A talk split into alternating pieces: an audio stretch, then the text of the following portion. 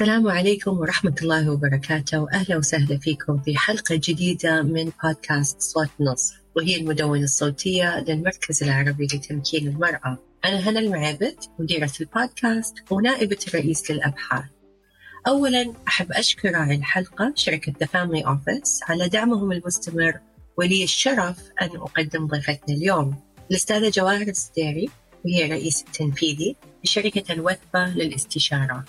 أو لشركات وقف الوثبة الموجه لدعم جمعية النهضة كما أنها عضو مجلس هيئة العمارة والتصميم بوزارة الثقافة وعضو اللجنة الاستشارية بمؤسسة صالح كامل الإنسانية. عملت جواهر السديري سابقا كمديرة برنامج بحثي مع كلية كندي للإدارة الحكومية في جامعة هارفارد وحدة تصميم السياسات. كما عملت في جامعة نيويورك بمركز فورمان للإسكان والعقار وقبلها عملت كمستشار بمجموعة مونيتور والهيئة العامة للاستثمار.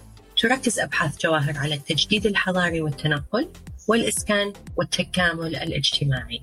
حصلت على البكالوريوس من جامعة سميث والماجستير من جامعة كولومبيا وهي حاليا في طور استكمال شهادة الدكتوراه من جامعة لندن للاقتصاد والعلوم السياسية LSE أهلا وسهلا فيك أستاذة جواهر. هلا ومرحبا هلا هلا. حياك الله. إحنا مرة مبسوطين إنك معنا اليوم وحابين نبدأ لو تقدرين تعطينا خلفية عنك عن دراستك نشأتك وعملك بالماضي وحاليا.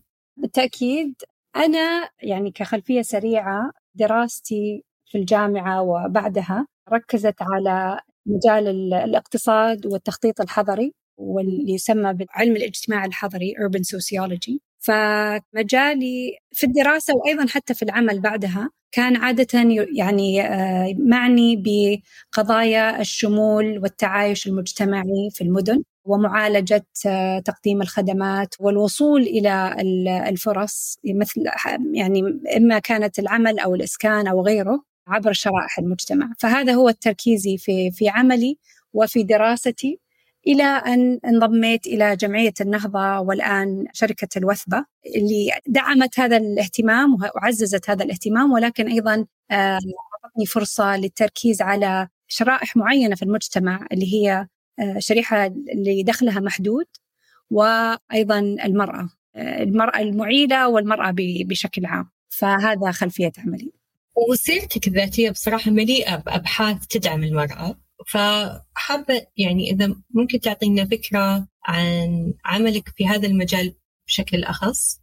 أكيد. أنا الواقع ما أقدر أقول لك إنه أنا قبل النهضة وقبل الوثبة إنه عملي البحثي ركز على المرأة. يعني التركيز كان على شرائح الدخل المحدود وعلى التوازن بين شرائح المجتمع إلى أن عملت مع جمعية النهضة. حتى قبل ما أنضم لها تعاوننا في بعض الدراسات. صارت فرصة لي للتركيز على المرأة و وبعد انضمامي أيضا زادت هذه الأعمال أو الأبحاث.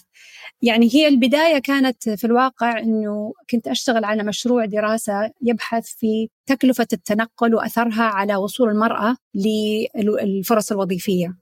وكان هذا المشروع مدعوم من وزارة العمل من خلال برنامج الأبحاث بجامعة هارفارد وأنا كنت وقتها أشتغل في هارفارد. فمن خلال هذه الدراسة تعاونت مع جمعية النهضة وهي رحبت وبادرت بالتعاون في تنفيذ الدراسة. وكانت هذه خلينا نقول همزة الوصل اللي بعد ما انتهيت من هارفارد انضميت للنهضة واشتغلنا مع بعض على تأسيس برنامج الأبحاث بالنهضة وكانت دفعة قوية لهذا العمل. ومن انضمامي لهم في 2017 إلى الآن صار في عدة آه، مشاريع بحثية ركزت على المرأة ومشاركتها الاقتصادية. جميل. طيب ممكن تعطينا خلفية عن جمعية النهضة؟ هي من أقدم الجمعيات النسائية والجمعيات الخيرية اللي موجودة في المملكة وعملها يتركز في مدينة الرياض. ولكن ممكن تعطينا خلفية عن تأسيسها وعن رؤيتها؟ أكيد. جمعية النهضة تعد من أولى الجمعيات في المملكة تأسست في 1963 آه، وأغلب عملها يركز على تقديم الدعم آه، المالي وأيضا التنموي آه، للأسر ذات الدخل المحدود وبالأخص الأسر التي تعولها امرأة. بالإضافة إلى هذا العمل يعني النهضة عملت في مجالات مختلفة عبر السنين حسب الاحتياجات الاجتماعية والاقتصادية للمرأة يعني يتمحور ويتطور على حسب تغير الاحتياج. وحاليا بالإضافة إلى عملها التنموي النهضة تقوم بعمل كبير في الأبحاث وفي مجال اللي هو الكسب التأييد أو الأدفوكسي اللي هو يركز على دعم صناع القرار على مراجعة السياسات والأنظمة والبرامج بحيث أنها تعالج احتياج وتتناسب مع احتياجات المرأة والأسر. فهذا هو عمل النهضة. من ناحية يعني الآن علاقة النهضة بشركة الوثبة صاحبة سمو الملكة الأميرة موضي بنت خالد أسست شركة الوثبة كوقف آه، ليكون أحدى مصادر الدخل لجمعية النهضة. وضمن هذه الشركة تم تأسيس اللي هو فريق للاستشارة يقدم خدمات استشارية للقطاع العام والخاص. ويكون ذراع للنهضة يعني أو امتداد لعمل النهضة ويركز على نفس مجالات اللي النهضة لها خبرة فيها من ناحية السياسات الاقتصادية والاجتماعية. ومن خلال هذه الأعمال الدخل اللي يدخل على الشركة يكون موجه للنهضة ولبرامجها. فالآن أنا دوري هو في شركة الوثبة وليس ضمن النهضة. ولكن أنت كنت من المؤسسين لقسم الأبحاث في الجمعية. صحيح.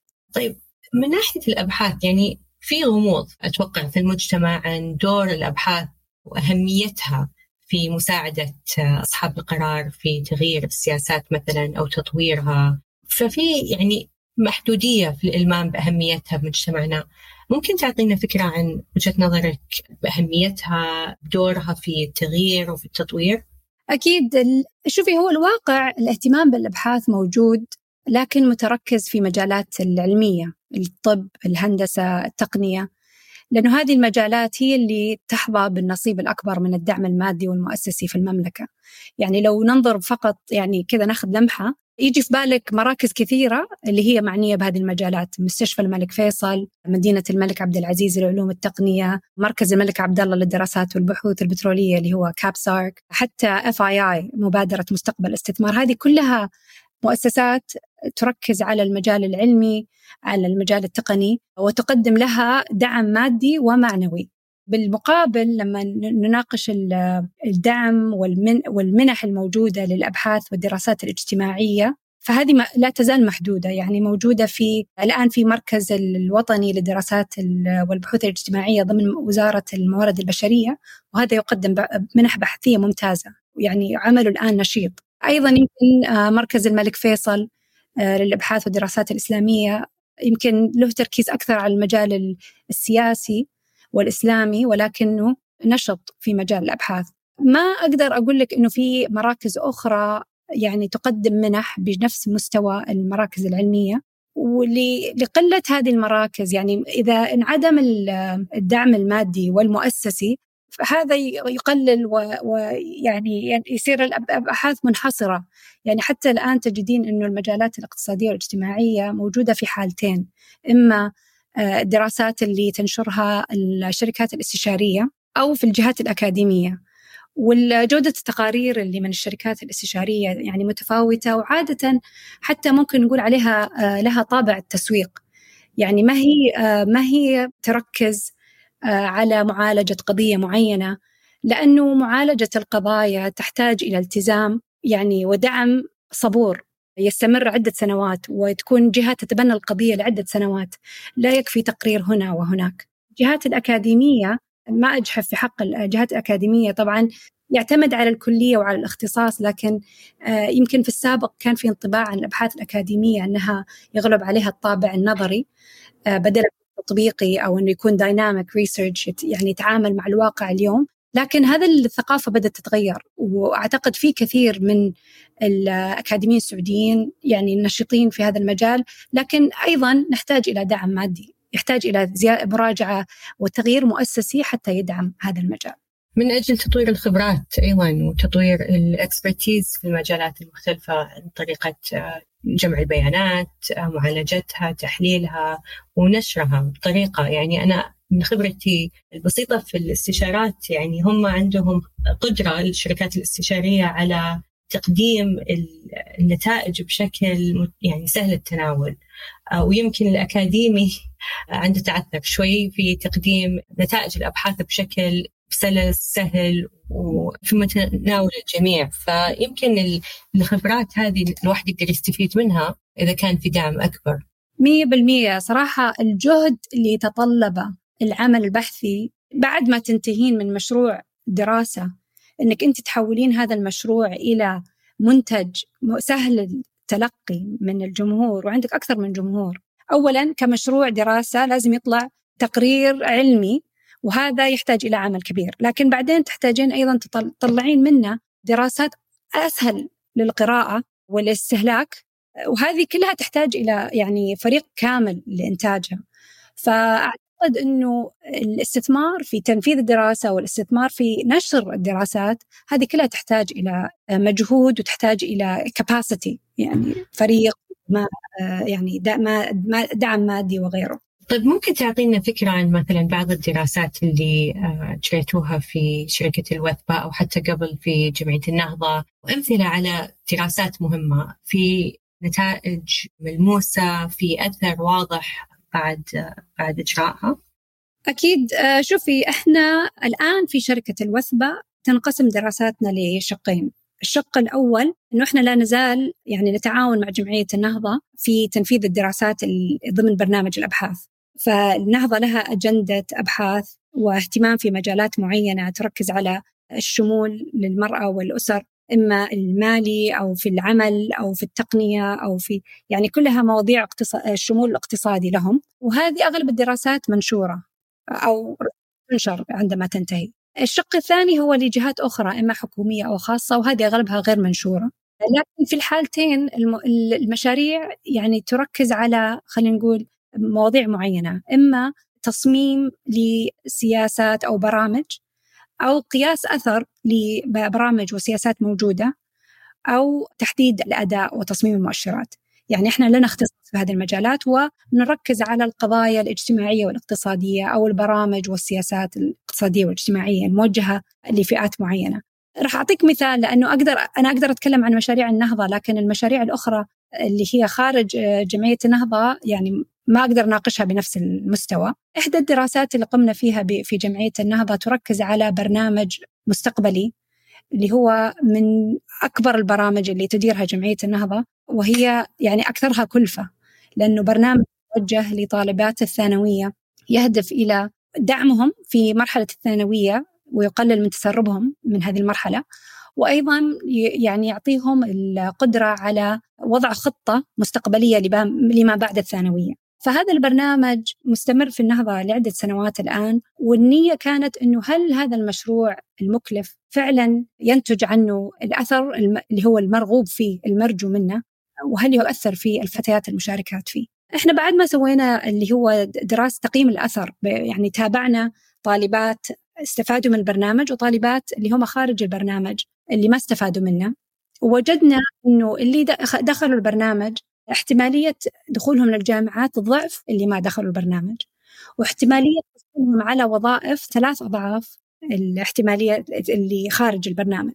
فمثل هذه النتائج أولا أثبتت للنهضة أنها لازم تبقي هذا البرنامج وأيضا سعت نطاق التنفيذ بحيث أنها ما تركز فقط على الطالبات وإنما الآن تشمل أيضا الشباب في الأسر وحولت البرنامج إلى كراسة يعني بحيث إنها تدرب جمعيات أخرى على تقديم البرنامج في خارج الرياض. يعني مثلا الآن النهضة تعاونت مع جمعية الجنوب في عسير بحيث أنها تقدم نفس البرنامج في عسير والنية أنه يكون في توسيع لنطاق هذا البرنامج خارج النهضة.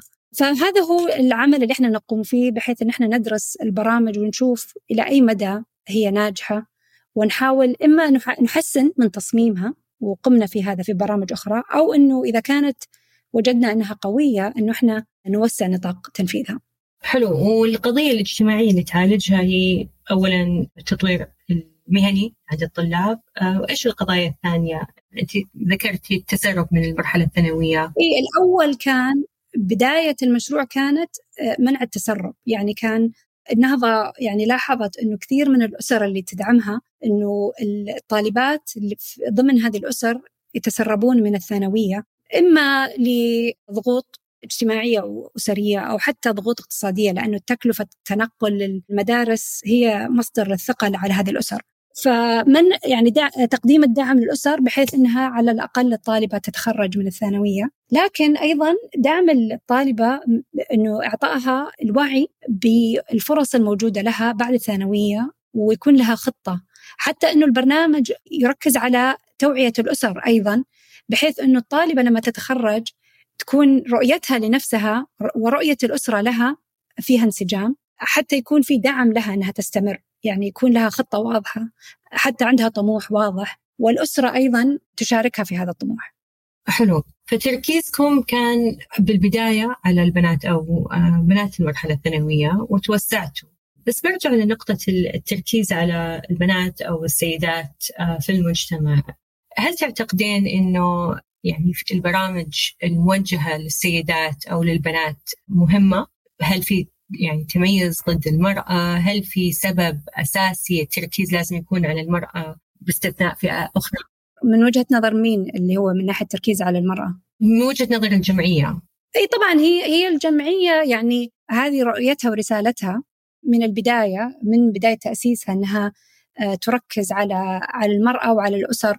اللي تعيلها المرأة فهذا من ناحية هذه رسالتها ولكن أيضا من خلال اللي هو الأدفوكسي كسب التأييد هي تشجع إنه يكون في اهتمام لها من جهات مختلفة يعني خاصة في السياسات والبرامج وإنه يكون في شمول لها في يعني في تصميم البرامج وفي توجيه الدعم أو الجهود إنه يركز على هذه الفئة المجتمعية بالاختصاص. فمن من وجهة نظرنا إحنا كمؤسسة طبعا يعني هذا هذا الاهتمام نشجع عليه وندافع عنه.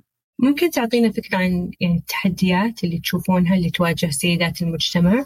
أكيد شوفي آه، النهضة يعني أنا بجاوب على هذا السؤال بناء على تقرير اشتغلنا عليه مع النهضة يعني في السنة الماضية وكان التقرير يركز على أو معني بمراجعة الاتفاقيات الدولية اللي تشارك بها المملكة اللي تناقش قضايا المرأة الاقتصادية والاجتماعية.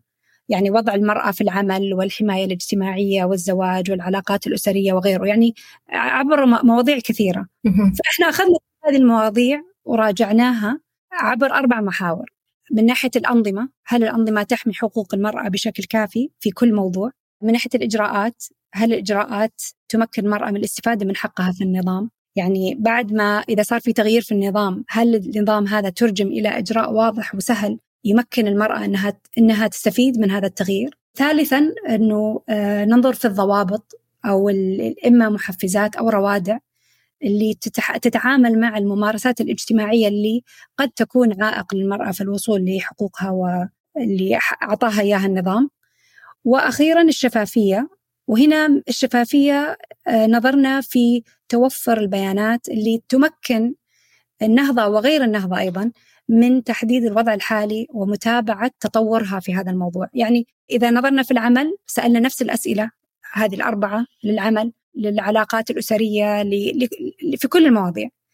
وصراحة التطور الأكبر اللي صار وإحنا يعني يمكن كلنا آه، شعرنا في هذا التطور اللي طرأ في خلال السنوات الماضية كان في الأنظمة. يعني صراحة السرعة والنطاق التغيير اللي صار عبر الأنظمة كان مصدر فخر بالنسبة لي لما كنا نشتغل على التقرير. المدى اللي وصلناه في التغيير آه، رائع. وأنا أنا عندي على التليفون عندي تطبيق اللي هو الأنظمة اللي سوته الدولة يعني هو تطبيق هيئة الخبراء اللي من خلاله تقدرين توصلين للأنظمة وأيضا تتابعين التغييرات اللي تصير عليها. فخلال السنتين الماضية كمية النوتيفيكيشنز اللي تجيني على التليفون إنه صار في تغيير صار في تغيير صراحة مذهل.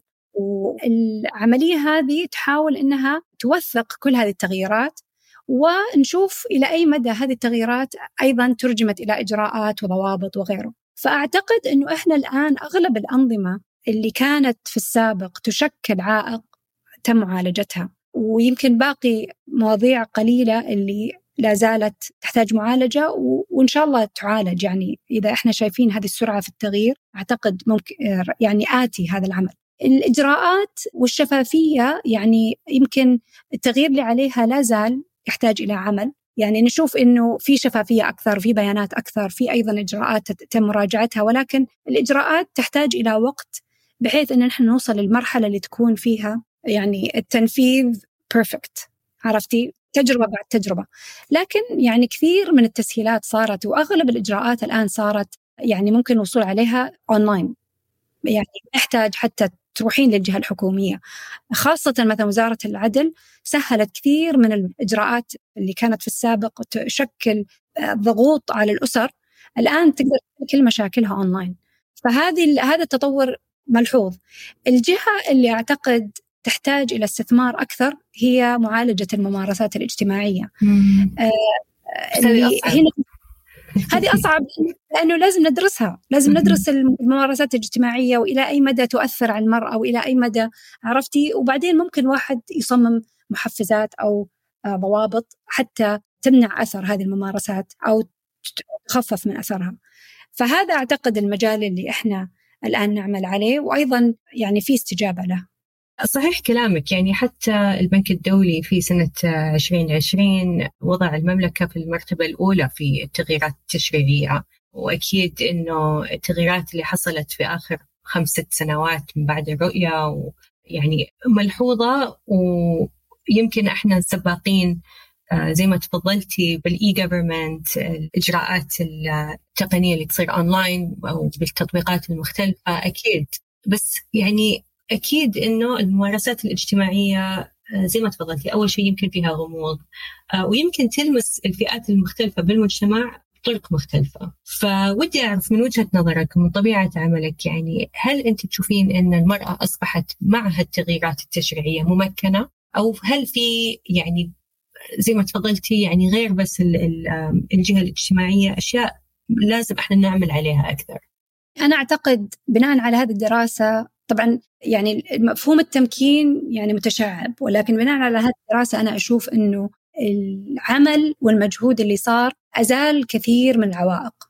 وحتى النهضة يعني أنا لما لما أحكي مع الفريق اللي يتعامل مع الأسر المشاكل اللي كانت موجودة في السابق مثلا مرأة مطلقة وتحاول إنها تحل مشكلتها وتطلع إثباتات لأبنائها ولا تحاول تطلع ضمان لأبنائها هذه كلها انحلت. وهذه تمس يعني أبسط الاحتياجات للأسر عرفتي؟ يعني تغيير نوعي في جودة الحياة لهذه الأسر. لكن الآن في مجالات يمكن لا زالت في طور المعالجة لكن أغلبها تم حله. الآن يعني إحنا نشوف إنه في توجه لوضع ضوابط وليست فقط للمرأة يعني ضوابط لممارسات اجتماعية كثيرة. يعني مثلا برنامج آه، النطاقات لوزارة العمل اللي هو يحاول إنه يشجع القطاع الخاص على توظيف السعوديين.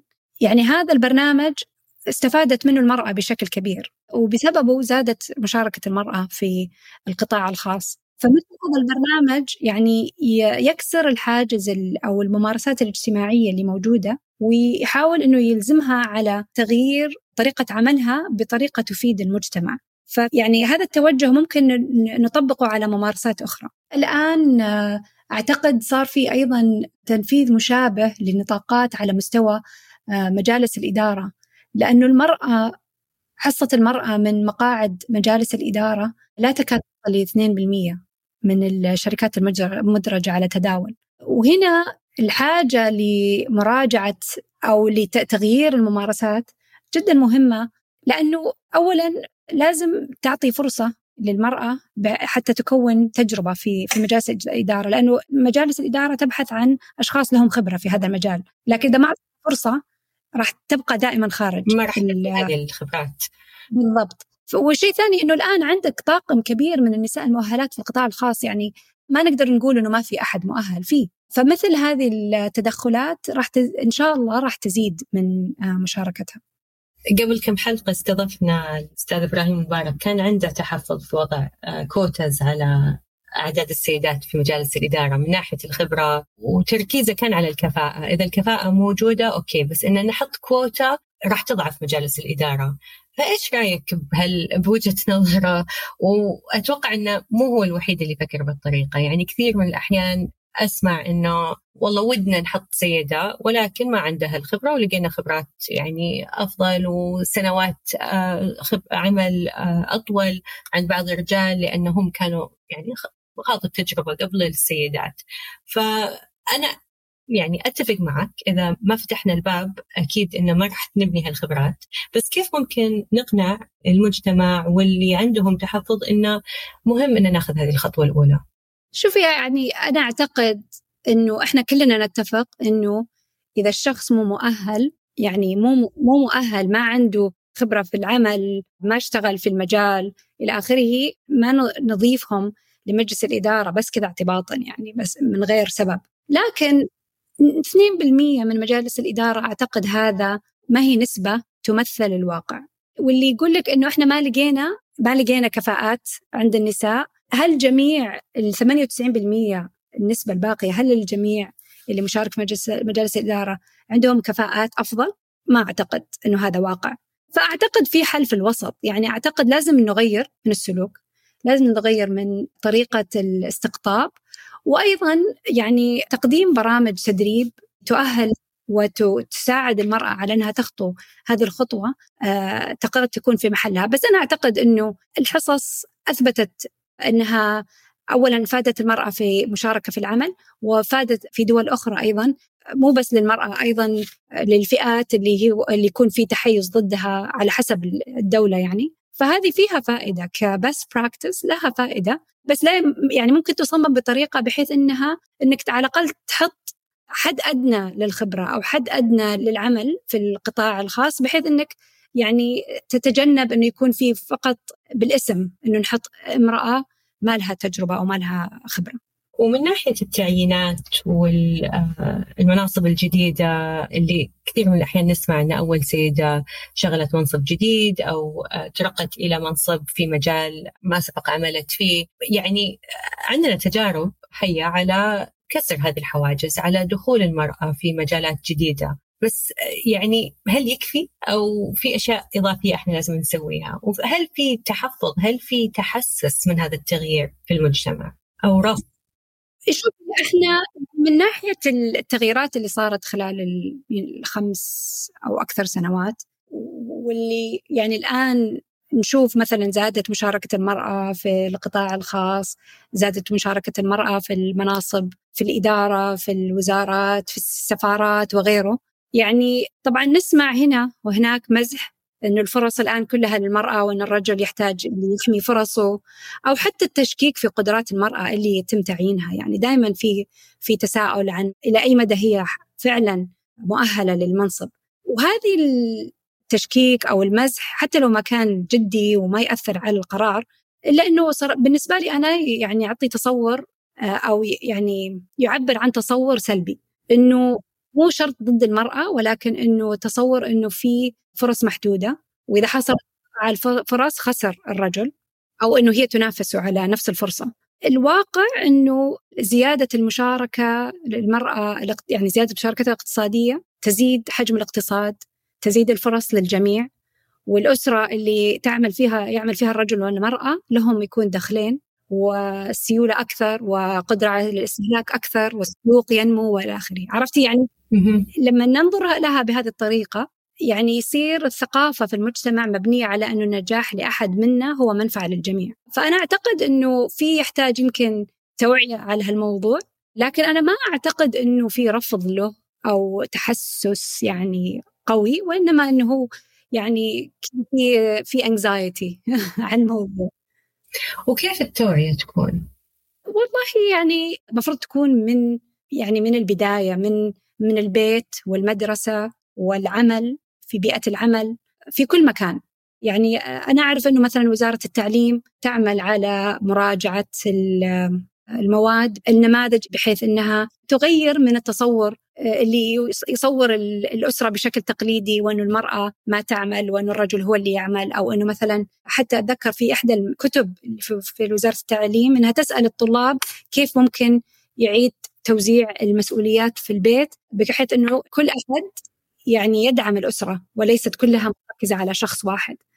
فهذه المناهج تدعم هذا هذه الثقافة أيضا حتى في بيئة العمل يعني لما أي أحد يدخل في شركة كثير من الشركات تقدم برامج توعوية تمكن الشباب والشابات إنهم يتعاملون مع بعض.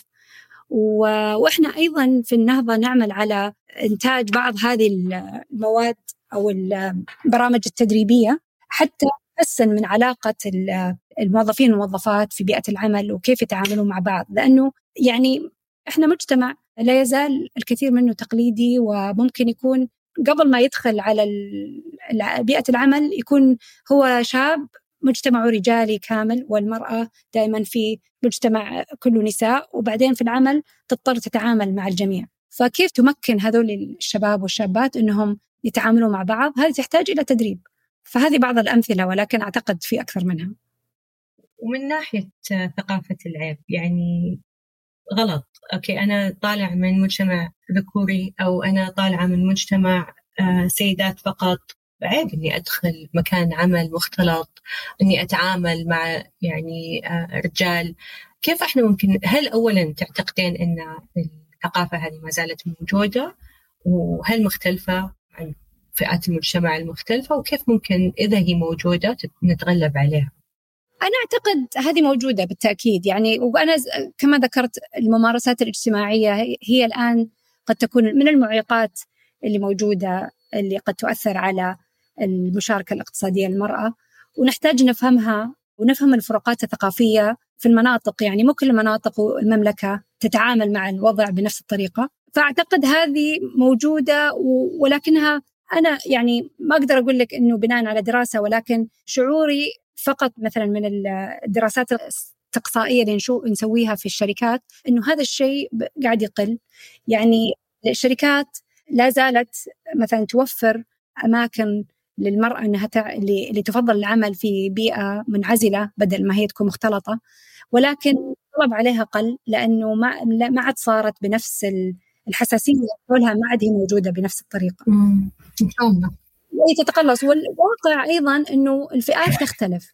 يعني إحنا سو في دراسة اشتغلنا عليها وإحدى النتائج الدراسة اللي شفناها من ناحية مشاركة المرأة يعني لما هي بناء على دراسة تكلفة التنقل وأثرها على مشاركة المرأة، لما قللنا تكلفة التنقل وجدنا إنه إنه المرأة الغير متزوجة احتمالية مشاركتها أكثر من المرأة المتزوجة. وهذا قد يدل أنه المرأة المتزوجة الضغوط الاجتماعية عليها أكثر أو حتى انه الرجل قد يكون متقبل لعمل ابنته أكثر من عمل زوجته.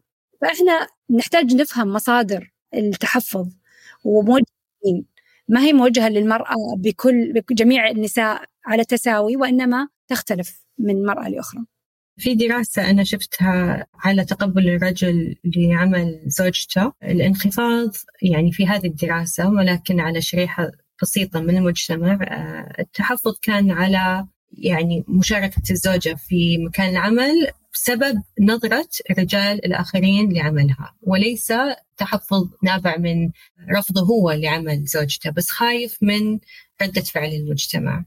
هذه صحيح. وهي يعني أعتقد إنه الفكرة إنه أنا أعتقد قد يعني نفس الدراسة اللي طلعت عليها إنه في الأغلب هو ما عنده مشكلة إنه زوجته أو بنته تشتغل ولكن هو خايف من المجتمع وخايف إنه هي بنته تتأثر. يعني إذا إذا هو حاس إنه المجتمع غير متقبل لعملها فهو يبي يحميها ويبيها تتزوج يبغاها تكون حياتها كويسة فيخاف إنها إذا اشتغلت راح تخسر فرص. في مجتمعها فهذا هو سبب القلق اللي عنده. ذكرتي أكثر من مرة أن في أشياء كثيرة إحنا لازم نفهمها وندرسها. إذا كان عندك خيار أن بكرة تبدئين دراسة اجتماعية على قضية اجتماعية معينة إيش تختارين؟ والله مرة سؤال ممتاز وأنا راح أحاول أجاوب عليه بس أنا راح أقول لك شيء. إحنا حاليا قاعدين نشتغل على دراسة نراجع فيها مؤلفات يعني مراجعة المؤلفات literature review. نراجع فيها الدراسات اللي تم تنفيذها على المرأة في السعودية بالشكل بالأساس يعني بالتركيز عليها. حتى نشوف وين المجالات اللي خلاص صار في يعني اكتفت من مو اكتفت ولكن في جهود موجودة يعني في أساس ممكن يبنى عليه. في وغطت الموضوع بتكرار. وين المواضيع اللي يقل فيها العمل البحثي وتحتاج إلى تركيز أكثر.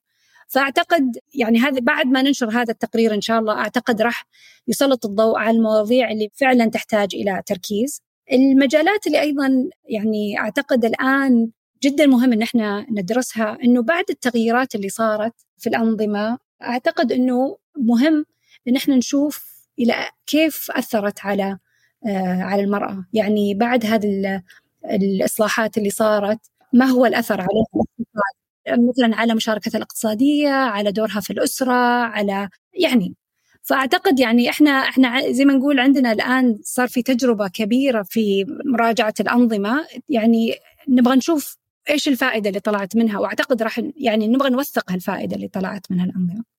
طيب هل تعتقدين إنه أنا ما أعرف إذا سألت هذا السؤال بطريقة أخرى ولكن السؤال يعني بكررة إنه هل تعتقدين إنه إحنا وصلنا إلى مرحلة إن المرأة ممكن تقول إن هي ممكنة في المجتمع وقادرة على اتخاذ قرارات بنفسها؟ يعني إحنا ناقشنا الموضوع وأعتقد يعني شوفي هو هل هي تقدر تقول هالشيء؟ أنا أعتقد أنه من الأشياء اللي لازم تعالج ضمن الممارسات هي الوعي يعني إلى أي حد المرأة واعية بهذه التغييرات وإلى أي حد هي عارفة أنه مثلا الأنظمة تغيرت وكيف تستفيد منها وحتى الآن مثلا في وزارة العدل جمعية مودة تقدم الدعم القانوني للنساء اللي لها قضايا مثلا قضية طلاق قضية الأبناء عرفتي؟ يعني تقدم لها الدعم حتى في في أي قضايا لأنها هي أحيانا ما تعرف إيش اللي يعطيها إياه القانون ويحميها وكيف يحميها القانون. وهذا الشيء موجود في في مدينة الرياض. أنا ما أعرف إلى أي مدى موجود في مدن أخرى. فهي الكثير من العوائق تم إزالتها ولكن هل هي قادرة إنها تستفيد من هذا الشيء؟ يعني يحتاج إلى دعم. آه، في كلمة ذكرتيها أكثر من مرة والكلمة أتوقع أن يعني جزء أساسي من عمل آه، شركة الوثبة مع جمعية النهضة وهي تأييد السياسات الشاملة. وهنا يمكن يعني نرجع لنقطة أن هل المرأة ممكنة في جميع آه، أجزاء المملكة أو في بعض القضايا وبعض القضايا لا بس ودي أعرف أكثر عن تعريفك للسياسة الشاملة وعن الشمولية أصلا في المجتمع وفي البرامج المختلفة اللي موجهة لفئات المجتمع المختلفة. شكرا على هذا السؤال. أنا أحب دائما الأسئلة اللي يكون فيها تعريف لأنه كثير من العبارات يعني نتداولها ولكن يعني أعتقد مفيد إنه إحنا نس يعني نتوقف ونناقش المعنى ضمن هذه العبارة. يعني هي الفكرة في الشمول إنه تكون السياسات والبرامج البرامج مثلا الحكومية أو حتى الخاصة والمنتجات والخدمات هذه كلها تكون مصممة لخدمة كافة الشرائح الاجتماعية. فحتى تقدر إنك تكون إنك توجه هذه السياسات والبرامج لجميع الشرائح اولا تحتاج إنك تاخذ بعين الاعتبار احتياجاتهم إنك تدرس آه، آه، سلوكهم تدرس معوقاتهم. وهذه منهجية متفق عليها يعني مش فقط في البرامج الحكومية أو السياسات هذه حتى في المنتجات في القطاع الخاص. يعني حتى التطبيقات مثلا اللي آه، تنجح في دولة معينة ما تقدر تأخذها بنفس التصميم وتحطها في دولة أخرى. يعني السلوك الاستهلاكي يختلف من منطقة لمنطقة مجتمع لمجتمع وشريحة عن شريحة. فهذه دراسة المجتمعات أو الفئات المختلفة تمكن السياسة أنها تتجاوب معهم بشكل أفضل وتقلل التحيز. يعني كل واحد فينا لو يصمم شيء راح يصمم من وجهة نظره هو من وجهة احتياجاته وسلوكه الخاص فيه. ولكن حتى نقدر نكون أشمل لازم نفهم الآخرين. النقطة الثانية أنه المؤشرات الآن دائما لما نضع مؤشرات لقياس النجاح أو الأداء لا يكفي أن تكون آه، مؤشر يعني خلينا نقول متوسط الكل. لازم تكون موزعة أو مقسمة حسب الشرائح بحيث أنه الأداء اللي لهذا المنتج وهذه السياسة مرتبط بالجهد الموجه لكل شريحة. فمثلا خلينا نقول عندك شركة وهذه الشركة متوسط الأجور فيها مرتفع مقارنة بالشركات الأخرى. لكن هل هو صحيح مرتفع لكل الشرائح؟ هل الأجور للمرأة ومتوسط الأجور للرجل كلها مرتفعة؟ هل متوسط الأجور للمدراء مقارنة بموظفين كلها مرتفعة؟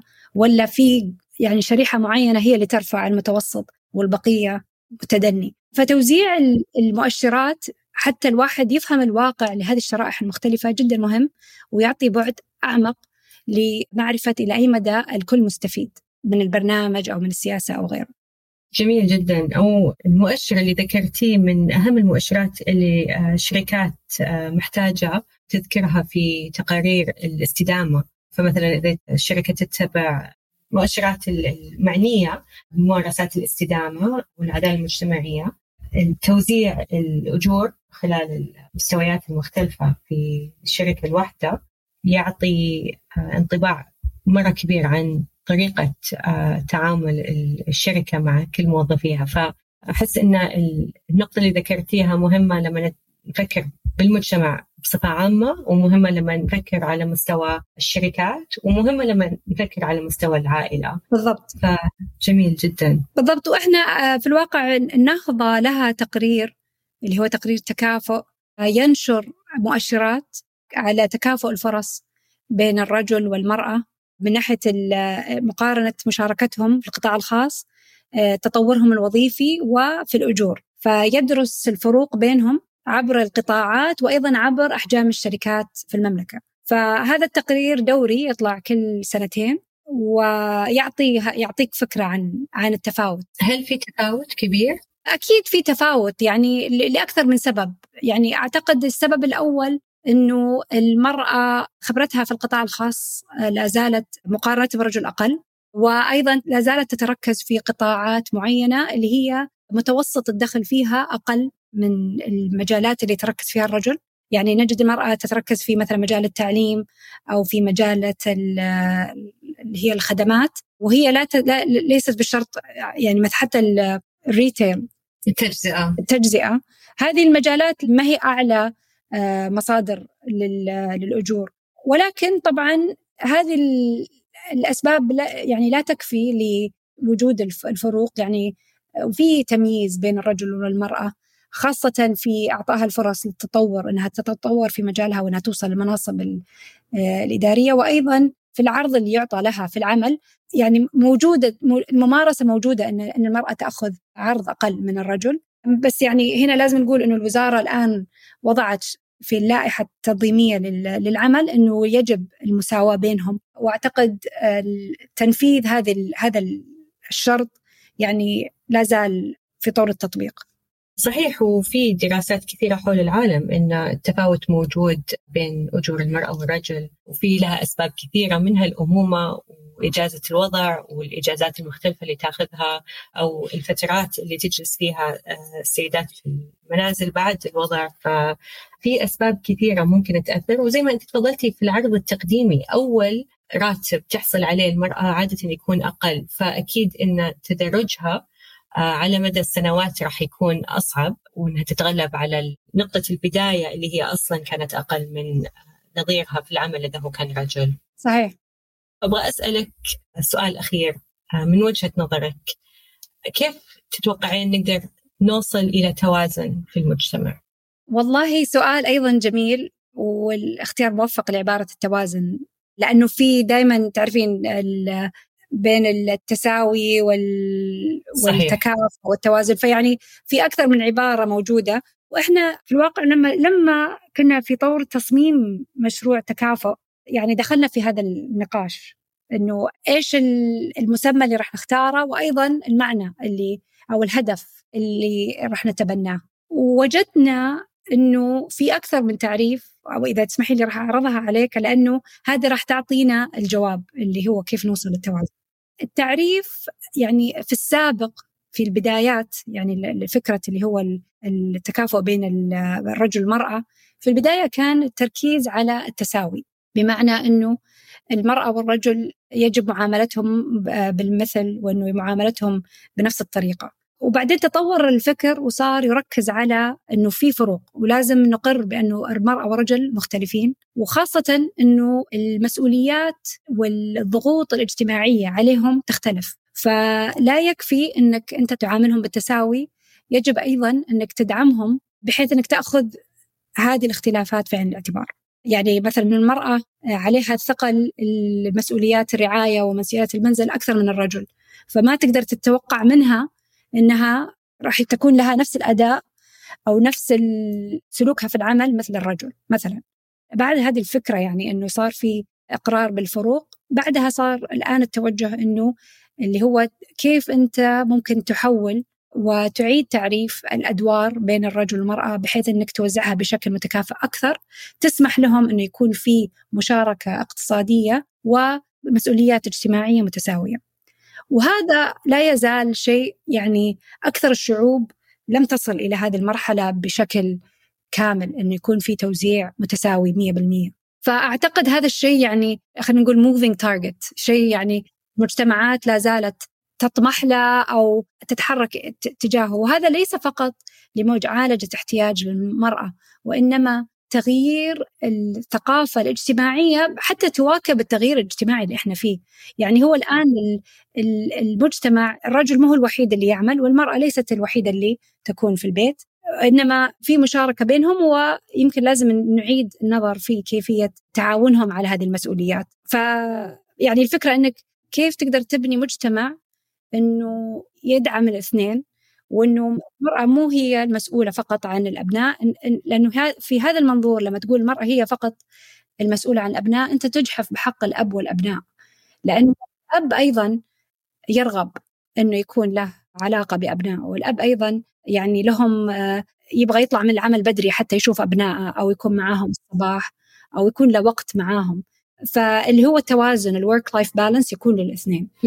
وأكيد إذا إحنا يعني شفنا زيادة عمل آه، أو نسب عمل المرأة وزيادة آه، وجودها في سوق العمل وما زلنا نضع عليها العبء الأكبر أن هي تكون الوحيدة اللي مسؤولة عن وضع جداول الأبناء متابعة دراستهم متابعة مثلا آه، زيارات الطبيب متابعة كل الاحتياجات ما راح تقدر هي تكمل. يعني الفرص راح تكون بالنسبة لها قليلة أو محدودة. أكيد أكيد. يعني شوفي أنا على هذه النقطة كون إن إحنا نعالج التوازن بين العمل والبيت للمرأة هذا لازم يستمر يعني لازم انه إحنا ندعم المرأة. إذا إحنا نبغى نمكن المرأة اقتصاديا ودور المرأة أساسي في اقتصاد البلد لازم إحنا ندعمها. وحتى لأنه لأنه إحنا نهتم أيضا بالأسرة. وحتى وزارة العمل الآن تحاول أنها تركز على وضع سياسات ليست موجهة للمرأة فقط وإنما موجهة للأسرة. حتى تحمي الأسرة وتحمي كيان الأسرة. فإحنا حتى يعني يكون عندنا اليونت الأسرة قوية ندعم الجميع فيها نمكنها اقتصاديا ونحمي مسؤولياتها في البيت. لكن الدور الثاني أنه إحنا أيضا لازم نقوي دور الأب في الأسرة. يعني أنا سمعت إحصائية وصراحة ما أعرف مدى صحتها يعني أنا سمعتها في لقاء أنه متوسط الوقت اللي يقضيه الأبناء مع الآباء في في العالم العربي هي 15 دقيقة في اليوم. فإذا هذا المؤشر صحيح فهذا محفز كافي إنه نعيد النظر في مسؤوليات الأب والدور اللي يقوم فيه أو اللي فرض عليه المجتمع أو اللي تقبلوا منه المجتمع في البيت. م. فإحنا هنا يصير في توازن أكثر في عبر كل المسؤوليات يعني بين الأب والأم وبين الرجل والمرأة. فهذا هذه نقطة التوازن أعتقد. جميل جدا. إن يعني يمكن مثل ما أنت تحبين التعريفات ممكن إحنا محتاجين إلى إعادة تعريف دور المرأة والرجل في المجتمع عشان يواكب التغيرات. صحيح وإحنا يعني أنا عرضت عليك يمكن أكثر من تعريف وهي مو إنه نختار واحدة بدل الاخرى وإنما هي كلها مكملة لبعض. يعني أنت تضع أنظمة وفرص بحيث إنه الكثير يقدر يستفيد منها. يعني هي الجميع متساوي في نظر القانون الجميع متساوي في الفرص المقدمة كل الكل مفروض يوصل لها ولكن الاحتياجات والدعم المطلوب من كل شريحة يختلف. فإحنا لازم ندخلها نجيها من أكثر من جهة حتى نقدر ان إحنا نوصل لنتيجة يرتاح لها الجميع ويكون الجميع مستفيد. هل عندك رسالة أخيرة حابه تقولينها قبل ما ننهي النقاش اليوم؟ شوفي يعني اولا شكرا يعني هذا النقاش يمكن أعطاني فرصة إنه ندخل وحتى يعني أفكر في عملنا وأفكر في المشاريع اللي اشتغلنا عليها وأيضا يعني أشرحها بشكل مطول أكثر أنا الشيء اللي راح أتمناه يمكن ك يعني خطوة جاية أو تغيير جاي على المدى القصير خاصة أنه أنا, أنا الآن عندي ابن ولسه ما كمل سنتين أو أخيرا مريت مريت بتجربة الأم في العمل وبعد ما مريت في التجربة حسيت أني صراحة ما كنت حاسة بال زميلاتي الأمهات في السابق أنه يكون في مراجعة لإجازة الأمومة. حتى تدعم المرأة في مسؤولياتها مع أبنائها وبدون ما تخسر مكانتها وطموحها المهني فهذا طلبي اللي بعد بعد ما ناقشنا من ناحية المعوقات والفرص والمشاركة وغيره أعتقد هذه النقطة اللي راح أنتهي عليها في هذا اللقاء. أنا أتمنى كذلك أكيد أن الفترة ما بعد الولادة هي أصعب فترة ومحتاجين شوي نستجمع قوانا قبل قبل ما نرجع للعمل. صحيح خاصة خاصة إنه يعني واضح إنه يعني دراسات إنه كثير من النساء يتركون العمل بعد هذه التجربة يعني ما يكون عندها الدعم الكافي بحيث أنها تقدر توفي بين الاثنين في البداية فتضطر أنها تترك العمل لمدة وبعدين ترجع بعد كم سنة وأحيانا صعب جدا أنها ترجع للعمل بعد فترة طويلة وخاصة إذا تحس أنه ما راح يكون التعامل مثل ما كان أو وظيفتها ما راح تكون موجودة فراح تبدأ من الصفر من جديد. مية بالمية. شكرا لك أستاذة جواهر. استمتعت كثير بالحديث اليوم وأتمنى لك كل التوفيق في دفع عجلة البحث العلمي من أجل تمكين فئات المجتمع من أجل تمكين المرأة ومساهمتك في الوصول إلى التوازن الاجتماعي. تحياتي لك.